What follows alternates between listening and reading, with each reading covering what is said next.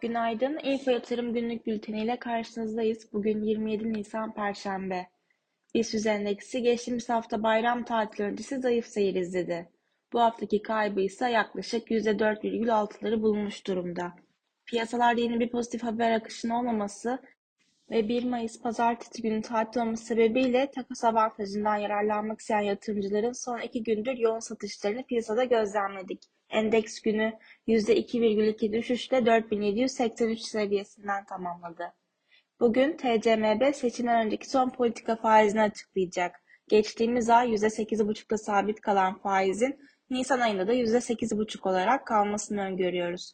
Bu ayki karar metninde de liralaşma stratejisinin ön plana çıkmasını bekliyoruz. Seçim ardındansa yapılan açıklamalarda göz önüne alındığında seçim sonucu ne olursa olsun belirsizlik kaygılarının azalması ve ortodoks politikalara dönüş beklentisiyle yabancı yatırımcı ilgisinde bir iyileşme Borsa İstanbul'da hissedilecektir.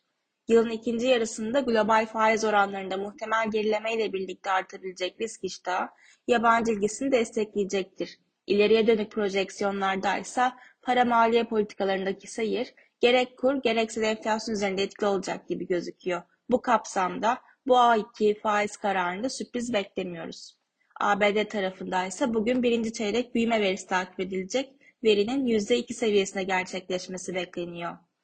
BIST endeksinde kısa vade 4750 seviyesinin altına kalınması durumunda 4700 ve 4500 seviyelerin destek haline gelmesini ve yukarı yönde 4870 ve 4930 seviyelerin direnç seviyesi olarak takip edilmesini bekliyoruz.